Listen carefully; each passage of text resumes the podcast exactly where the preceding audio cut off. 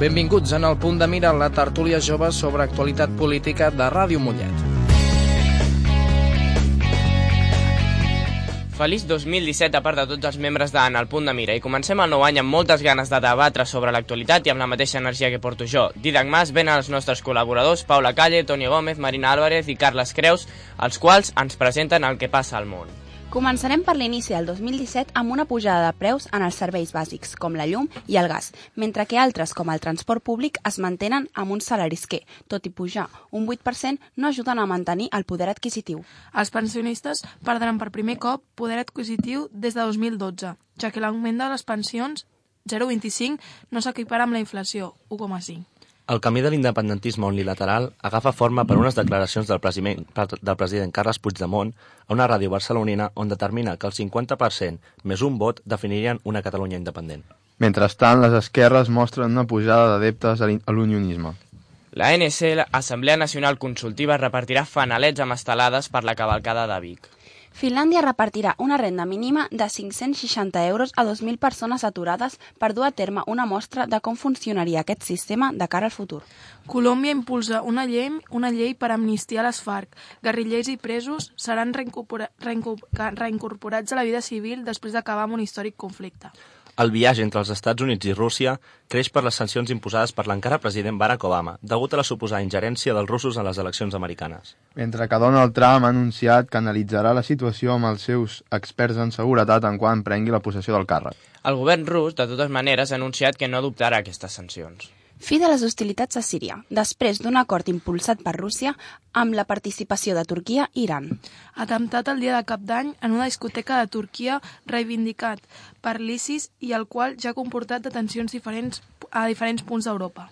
A Venezuela s'ha establert com a pràctica habitual el tràfic il·legal d'aliments, tot i que algunes fonts d'informació argumenten que atorguen ara mateix més beneficis que la droga.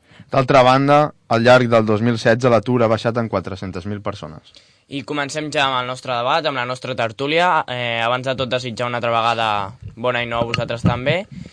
I començarem amb la pujada aquesta dels preus. M'agradaria comentar-la breument perquè tampoc no és un tema que, que doni per gran cosa, però sí que crec que és important que mm, s'hagi vist una pèrdua de poder adquisitiu.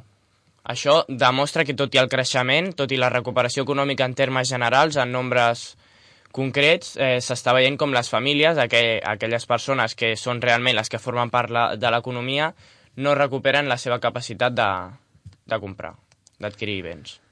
Bueno, en el cas dels pensionistes, el que sí que és cert que el govern, el problema que té és que no pot apujar gaire les pensions perquè si no es quedaria sense, sense el fons i llavors sí que tindríem un problema però s'està retallant del fons per sí, altres sí. fins i no per les pensions, al qual és el seu principal objectiu. Això també és veritat. Però clar, eh, això depèn del govern que hi ha, que creu que hi ha unes certes prioritats. Llavors, si tenim aquest govern que considera que les pensions no són tan prioritat com per no eh, augmentar aquest, aquest salari, doncs tenim un veritable conflicte. Ens saltarem el tema de l'independentisme perquè el comentem habitualment i no crec que aquestes notícies aportin gaire cosa, encara que el Carles m'està dient aquí que vol intervenir. Carles, sisplau. Sí, jo ho trobo molt fort. O sigui, per què ara tots els polítics que són de fora de Catalunya o diguem-ne que no estan a favor de l'independentisme es queixen dels fanalets de Vic mm. quan porten 4 anys fent-ho? És un tema, jo crec que, mm, si més no, polèmic. O sigui, no passa res, no? No, hi ha problema, és una mica però... trist, però si ho volen fer, que ho fagin. O sigui, jo sí que estic d'acord que a la nit de Reis no tens per què fer una propaganda política. Però si ho porten fent 4 anys, per què es queixen ara? Perquè ara és quan hi ha més rebombori. Home, no ho crec, eh? L'independentisme ha tingut no. moments més... Pues no. llavors per què es queixen ara, si no? Doncs perquè, perquè jo crec per que esquivar és... altres temes que no els interessa. I jo crec que és justament el contrari, perquè estan veient que l'independentisme està en davallada i és el moment de ferir-lo Qui diu que l'independentista està en davallada? Les, les mateixes enquestes. enquestes que van dir eh, mal sorpasso, les mateixes, no? Home, doncs no. No, però és, és bastant conflicte que estigui en davallada perquè, en teoria, les forces que volen la independència, com la CUP, molts cops es centren en altres temes que no són la independència i en comptes de centrar-se en el que realment volen, estan pensant en altres coses, que si la república, que si anar en contra la monarquia d'Espanya, i no se centren en el que realment perquè volen. no, perquè no només és això el que volen, Vale. és un partit polític, no només um, defensen la independència, sinó defensen la república, defensen altres... Però s'han de tenir clares Clar, les prioritats. a- També, i és el que vam comentar la setmana passada, que la CUP, mm, ara mateix, nosaltres creiem que té una mica dispersos els seus objectius. No sé si ho comparteixes, Paula.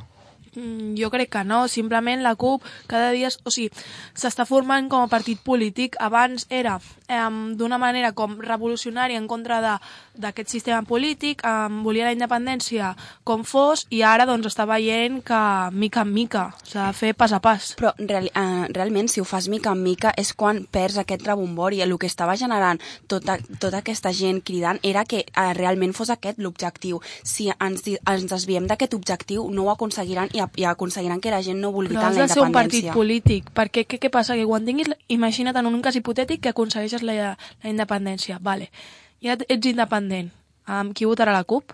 Però Saps? tampoc ens És a- oblidem, és esteu això. dient aquí de mica en mica, però no ens oblidem que la principal ruta és per la via unilateral. Sí, sí. No cal oblidar-ho, això, eh? Tot i així, bueno, a mi m'agradaria afegir que jo, tot i estar a favor de l'independentisme a Catalunya, sí que considero que està perdent força. O sigui, jo crec que són masses anys ja i, I amb com pocs que, resultats. I com que no avança, la gent ja està perdent esperances. No I només mi és això. Em fa ràbia dir-ho, però jo crec que està, està perdent força.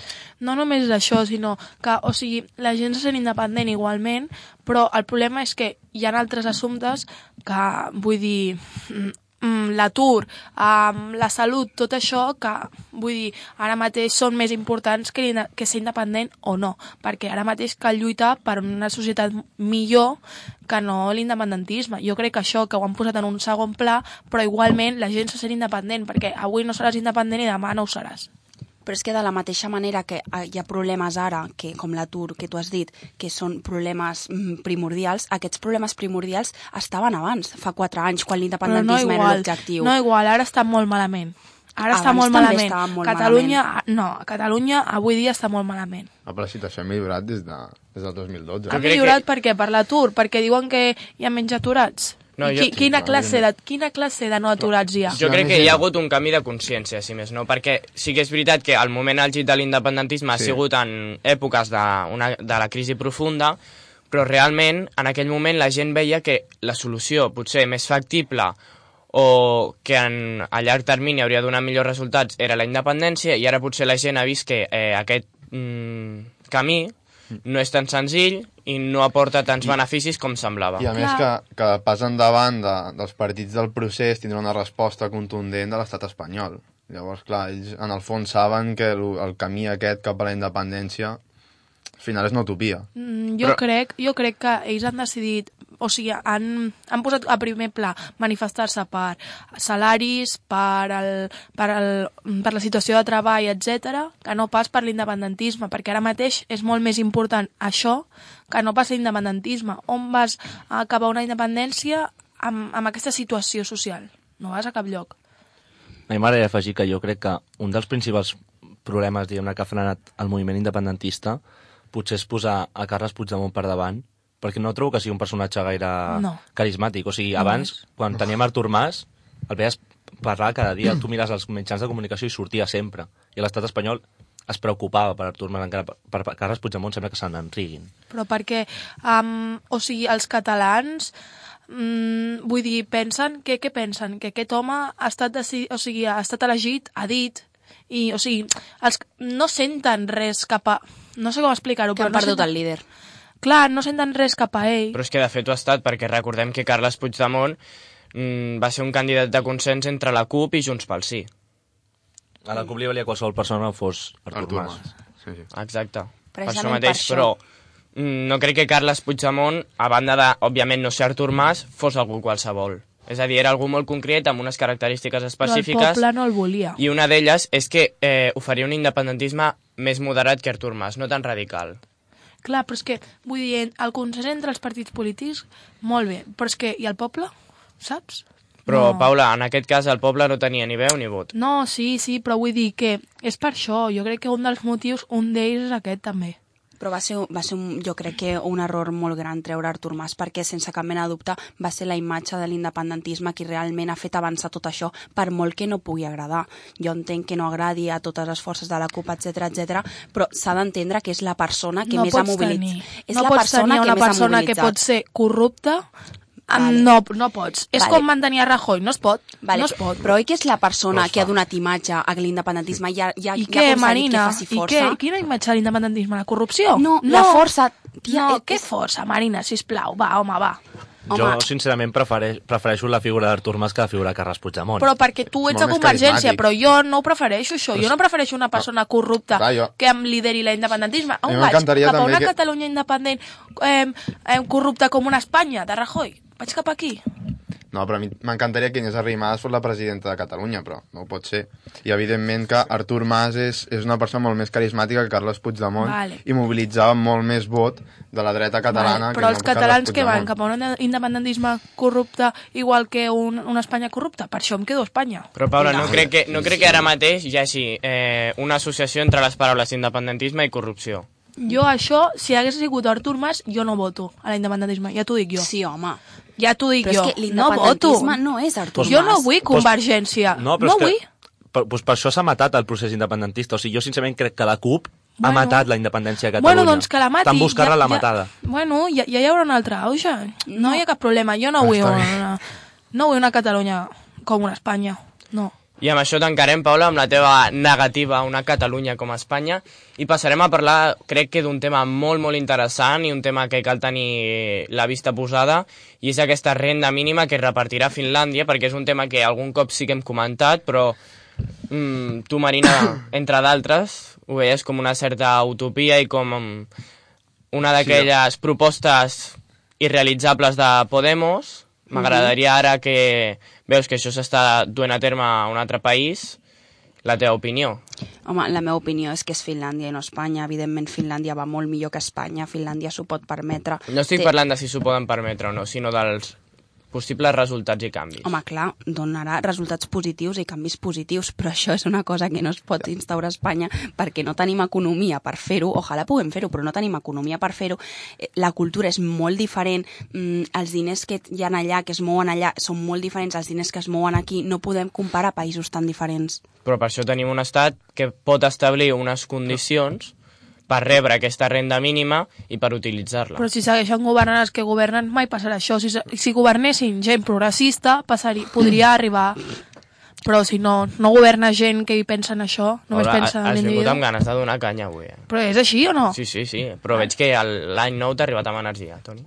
Jo estic completament en contra de, de que l'Estat dongui una renta mínima a la gent perquè crec que l'Estat no està per donar diners, sinó per facilitar a la gent els mitjans per aconseguir-los, ja està. No, a mi com a, com a contribuent no m'agradaria que els meus diners es anessin donant a gent que no... que igual no treballen, igual no fan res. Vale, però igual no, no, no, poden treballar. Saps? O igual han nascut en una família tan pobra que no poden anar a escola i han de treballar. Pues L'Estat el que hauria de fer és facilitar formació i facilitar mitjans perquè aquesta gent pugui Vale, treballar. li pots donar però molta no formació, donar bravo la formació, però on vius um, no és el mateix, no tens les mateixes oportunitats. Tu no neixes amb les mateixes oportunitats que l'altra gent. Jo sí, estic a favor de la igualtat d'oportunitats, però... No, no estàs a favor. Sí, No, no estàs a favor. Paula, home, això tampoc no ho discutim. Vull dir, o sigui, dient el que tu dius, mm, no sí, estàs donant utopia, la igualtat és una utopia, la, d'oportunitats. la igualtat d'oportunitats, però si es pogués aconseguir a mi em semblaria molt bé, però d'aquí a regalar diners... És, És a No, no, és, no és regalar diners, és invertir en aquesta igualtat d'oportunitats que tu defenses. Paula, tant. jo crec que arribeu a la mateixa conclusió des de punts de vista completament sí. diferents. Els dos defenseu l'igualtat d'oportunitats, mm, tu i mm, jo també no m'enganyaré des d'un punt de vista amb un estat que contribueixi a això i el Toni des d'un punt de vista on l'estat intervingui de forma mínima i primi la llibertat. Però i què, què hem vist en el llarg de la història? Per exemple, Finlàndia què fa? Ajudar, no? Um, és on es viu millor. Um, als altres llocs, com als Estats. Units, als Estats Units què passa? Mm, que no, que no. O sigui, el teu mètode no, no, no serveix, perquè la gent que diu això, de que regala mètode. diners, El mètode, Toni? el, el, la gent que diu que està regalant diners em no creu en la igualtat Però a veure, d'oportunitats. o sigui, si Perquè tu això dones, no regala Tu diners. dones aquests, aquests diners, vale, és una inversió, però jo no, jo no veig aquí la inversió. O sigui, realment aquestes persones no està assegurat de que amb aquests diners facin res de profit. El principal Sí. problema és que no saps què faran aquestes persones amb aquests diners. Però és que, tam, però és que i, Ja. i, com, i com aconsegueixes la igualtat d'oportunitats? Com no l'aconseguiries tu? A veure, hipotèticament seria que les persones quan nasquessin, l'Estat, a partir de l'educació i d'altres coses, els hi facilités les persones de famílies pobres que es poguessin igualar a les famílies de, de Com si les cada, cada cop hi ha menys escoles públiques i menys inversió en les escoles? L'objectiu d'aquesta renda mínima no és que no és tenir habitants aturats que no facin res, sinó eh, donar una quantitat de diners pel seu desenvolupament, i aquest és Clar. l'objectiu. I això és el que jo crec que a partir d'una legislació es Però, pot però impulsar. els diners se'ls han de guanyar ells, o sigui, Com? no, no els hi ha de donar Però- l'Estat. L'Estat el que els hi ha de facilitar és eh, formació, Sí. també els hi ha de facilitar, eh, no sé, coses que els hi permetin guanyar-se la vida. Però amb Però el tu que està creus dient la que- Paula, és cert, o sigui, està demostrat que no tothom, ja, ja sigui per la família on neixi o pel seu estatus social, no pot accedir a certes oportunitats. I aquesta renda mínima és el que pretén en un però futur. amb 500 euros és que et quedes igual. Tot i No, això, per això, però tu això pregunta-li a una persona aturada Sí, no- no ajuda que no té cap realment a la ingrés, d'oportunitats. una persona que no està rebent cap subsidi d'atur ni res, que són 500 euros per ell. Jo crec que Però és igualment la, seguirà tenint les mateixes oportunitats. Però és que no. jo crec que, per exemple, el partit, per exemple, que tu votes no inverteix en educació. Llavors, el que estàs dient no té cap sentit. Eh, Però el, el partit que jo voto no, No? governa. No. Però igualment, vull dir, en el seu programa no diu que inverteixen en, en educació pública ni en formació per gent per aconseguir igualtat d'oportunitats. Per tant, no hi creieu en la igualtat d'oportunitats. Vull dir, no defensis postures que després no votes. No, no s'ha de Perdona, considerar... però Ciutadans sí que ho defensa, eh? I ho, ha- ho ha dit moltes vegades. I en el defensa de surt- l'escola pública. Sí. Sí, tant. Sí, tant. No s'ha de considerar que la, el dret a tenir unes mateixes oportunitats depèn només, de, només dels diners de la renta mínima. Eh, jo estic amb, amb ells de que realment quan tu dones aquests, aquests diners no saps en què els invertiran, no saps què faran amb aquests 500 diners. euros, tu lo que, si tu, què lo, faràs? si no, tu el que 600 euros, realment 2.000 vols... persones t'acaba sortint com el cas de la Nàdia. O sigui, Vale, molt bé, però 500 euros què faran? Deixem Am, deixem acabar la cada Marina, dia Paula. de festa? Paula. Vull dir que no, que viuran amb ells. És que... Si tu realment el que vols és ajudar una família que té problemes, en comptes de donar diners, que jo trobo que això és donar uns diners que no saps en què els treball. gastaran, no saps en què els gastaran, no saps en què els invertiran, el que has de fer és, aquesta família no té treball, l'Estat s'ha d'ocupar de trobar-li treball, de mirar en institucions tipus de públiques, treball? de mirar en institucions públiques a trobar treball, que si realment el que no poden és menjar, que es facin més, més llocs eh, socials, més menjadors socials on puguin menjar. El que ens han de buscar són solucions, són serveis on hi puguin ells estar bé, on puguin millorar, però no s'han de donar diners, perquè donant aquests diners el que aconsegueixes és no saber cap a on van a per aquests diners. La família necessita treball, se li dona treball. La família necessita educació, se li dona educació, però no se li dona diners. Jo crec que si fos tan fàcil, perdona idea que t'interrompi, es faria, Marina. O Home, clar, evidentment, totalment això és una utopia. Però si fos tan fàcil, I ja crec que t'estàs equivocant completament en el Totalment. plantejament, Marina, i No. t'ex- t'explicaré per què.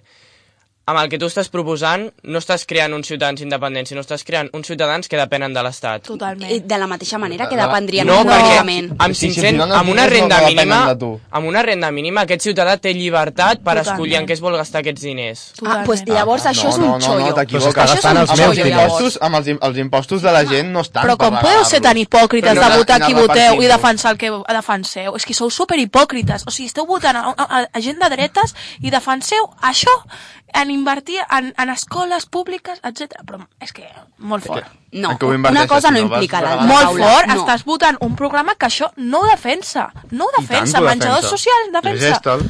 Menjadors socials, ah, ara el- Albert Rivera em farà menjadors socials, tu creus? Però que ho defensa de maneres diferents, no de la manera que ho proposa Podemos, que és la manera que tu t'agrada. No, no, no, tu dius menjadors socials i tot això, això ho defensa Ciutadans? Però és que jo, que jo voti Ciutadans no significa que a mi m'agradi el 100% Ciutadans, si no ja estaria afiliada. A mi m'agraden certes coses de Ciutadans i considero que en certes coses hi estic molt d'acord, però això no significa que ho estigui en tot. No, home, doncs ho estaria, ho hauries d'estar. No, no, perquè jo, no, per, per desgràcia, no puc trobar un partit polític que representi al 100% la meva ideologia. O a casa el, el partit que tu, que tu votes Sí. al 100%? Totalment. Vale, doncs ja quan governi i el deixa, i el deixa Espanya a la ruïna, m'adius el correcte Més, que més de la ruïna que el Partit Popular. Mm, Almenys el meu A pot, veure, pot no, ser... no, no, en aquest debat ja no entrarem. Us he deixat una mica perquè això estava interessant, però tampoc entrarem en a veure mm, qui l'ha fet més grossa, en això no. Si us sembla bé, eh, continuarem i passarem de tema em saltaré el tema de Colòmbia perquè tot i que crec que és interessant, és un tema que no pot generar gaire debat i continuarem amb la, la separació entre Estats Units i Rússia. Sé, Toni, que tu mm, bueno, no ets fanàtic de Rússia, però sí que estàs aprenent rus i t'interessa aquest, aquesta zona del món i m'agradaria que des del teu punt de vista potser més proper al seu ens comentessis una mica com veus aquest tema de les sancions, la situació, oh, la seva intervenció a Síria... Les sancions, en el cas dels Estats Units, eh, l'economia americana no es veuria molt afectada, però en el cas d'Europa sí que realment ens hem tirat una mica pedres contra la nostra taulada, perquè realment mm, el que comprava, un dels màxims compradors de productes agraris d'Europa era Rússia, per exemple. Mm. Llavors, al final, el, el que passa és que has de mirar bé les decisions que prens perquè potser després a veure, es giren en contra teva. Jo he llegit en, en alguns mitjans que realment no, si, no és que siguin unes sancions lògiques ni res, sinó que és simplement una mica mm -hmm. eh, la forma que té Barack Obama d'acomiadar-se i és el que vol fer, deixar deixar Rússia i d'aquesta forma dir-ho molestant. Què farà Trump? Perquè Rússia sí que ha apostat clarament per Donald Trump, li va donar suport al president Vladimir Putin durant tota la campanya, sí. i ara s'ha de veure com, com li sortirà l'aposta. En principi, Donald Trump hauria de ser proper a Rússia i aquestes sancions les hauria d'aixecar, però ja veurem què fa. Home, mm, sí que és cert que quan el 20 de gener prengui possessió del càrrec, mm, s'iniciarà una època molt interessant de seguir, perquè és possible que mai a la història haguéssim vist tanta proximitat entre el president dels Estats Units i el de Rússia, i això mm, pot deixar de veure aquesta bipolaritat del món ara mateix i convertir en un món amb, no un estat hegemònic, però sí amb una unió entre els dos països ara mateix que més controlen entre Orient i Occident, sí, crec sí. jo. Jo crec que serà positiu. A mi em faria por pensar que aquestes dues bèsties, com són Estats Units i Rússia, i els seus dirigents, que no són precisament pacífics, siguin, estiguin units i a, puguin aconseguir dominar molt més el món. A mi em faria personalment por. A veure, també és cert que, per exemple, Donald Trump s'ha de centrar també en política interior perquè, tot i que els republicans controlen el Congrés amb el Senat i la Cambra de Representants, no, no desperta simpaties precisament Trump entre les persones que, que el formen i s'haurà de guanyar la confiança d'aquests. I tot i que les, eh, les enquestes, perdó, eh, els sondejos mostren que després de Trump hi ha hagut un creixement a les borses i de més, mm, encara no està clara quina serà la postura de la econòmica del president a banda d'aquesta inversió inicial i mm, la infraestructura que vol construir, però sí que és important eh, les relacions que mantindrà amb Vladimir Putin per, per tractats exteriors. Serà molt important. Sí, jo crec que pot ser positiu, perquè sobretot la crisi l'Orient Mitjà, un acord Rússia-Estats Units sí que podria ajudar bastant a solucionar-la. També en altres parts del món l'acord la, també podria arribar a ser positiu, en temes de cooperació, etc jo, jo és el que, el que he dit abans, a mi em faria por perquè són dos personatges molt conflictius amb unes ideologies bastant fortes i el fet de que aquestes dues forces s'unissin jo crec que a la llarga generaria més problemes que beneficis. Però jo crec que, mm, tot i que consideris, i ho penso també que Trump té una ideologia molt forta i arraigada, crec que s'ha envoltat de persones que tenen una proximitat ideològica a ell i potser amb una certa coherència que ell no ha demostrat encara i crec que aquestes persones poden contribuir a que les decisions acabin sent d'una lògica mm, més propera a la realitat. Això estaria molt bé, però en certa manera no penses que Donald Trump llavors estaria traint els seus vots, o sigui, estaria tra traint els seus votants? És que de fet ja ho està fent, o sigui, Clar. la seva proposta, tot el que feia durant, abans de, ser, de les eleccions, o sigui, no és que fos mentida, però és que era una hipèrbole, o sigui, tot el que deia... No ho sabem, eh, encara. Però tot el que deia era una exageració brutal. I no ho pots Home, clar, per aconseguir votants ho has d'exagerar tot. Però jo, però, però jo crec que intentarà, per exemple, construir el mur i totes aquestes coses. I ahir llegi... No podrà. Ahir, eh, la llegia... gent de la que s'ha envoltant no és, no és moderada, eh, ni molt menys. No, no són conservadors. I a però... més, ahir llegia una notícia que Trump, eh, no la vaig poder obrir, però llegia una, eh, el titular era que Trump instava General Motors i Chrysler que re, tornessin de la seva producció a Mèxic i tornessin als Estats Units. Jo crec que aquest és un dels primers passos que ell està portant i que mm, és el que va prometre. Més treball, més indústria i Sí. el retorn del que considerem com somni americà. Sí, jo crec que això ajudarà una mica no, el, seu populisme, perquè va prometre als obrers de totes aquestes zones empobrides que, que han perdut les fàbriques que els hi tornaria aquesta indústria. Llavors, doncs, bueno, en aquest sentit sí que sembla que ho complirà. Exacte, tot i que Igualment ha fet moltes promeses que ell sap perfectament que no pot complir i els seus votants l'anaven a votar per moltes d'aquestes coses tan exagerades. Llavors, en certa manera, estarà traint els, els seus votants, però perquè en el mateix partit no li deixaran fer moltes de les barbaritats que va dir. I a més, eh, cal recordar que el sistema de govern dels Estats Units és una mica diferent al d'Espanya i no és tan partidista, sinó que funciona més entre com un joc de, de favors, per dir-ho així, no? És a dir, mm, jo et dono alguna cosa i tu me la dones perquè realment el que fa, afavoreix aquest sistema és que eh, el representant d'un lloc hagi de retre eh, comptes al, a les persones d'aquell lloc i no pas al seu partit, cosa que aquí a Espanya no passa i potser hauríem de I el, el fixar-nos. president sí que té el monopoli de la política exterior, I del però poder executiu. és el Congrés l'element primordial per... Exacte, un congrés que, com hem comentat, està dominat pels republicans i això pot facilitar les coses. I eh, abans, ja ens queda poquet temps i m'agradaria comentar abans d'acabar el tràfic d'aliments que s'està duent a terme a, a Venezuela. Sé que eh, és un país molt criticat, Toni, per Ciutadans, Partit Popular...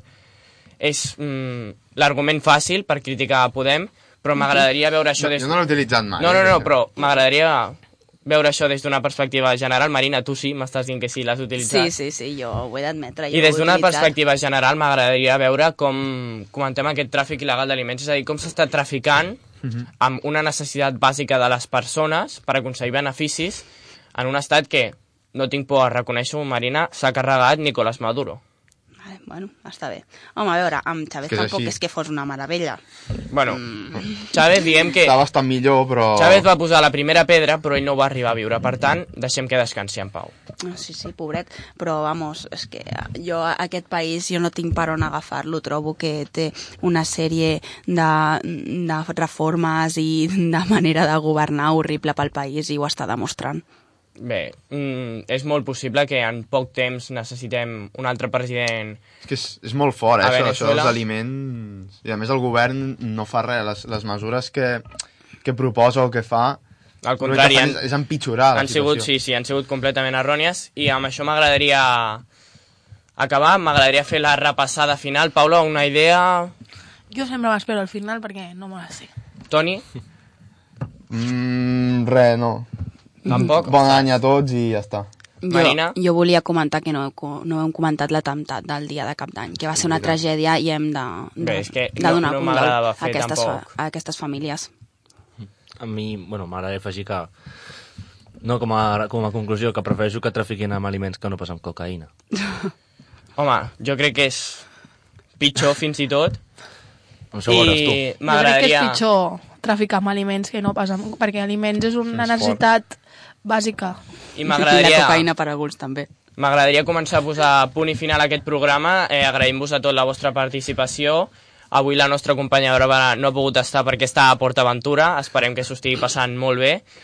I comencem aquest any amb moltes ganes i esperant que el món sigui millor gràcies a la nostra participació. Això està tot aquesta setmana. Eh, ha estat un plaer compartir-la amb vosaltres i ens veiem aquí la setmana vinent a Ràdio Mollet.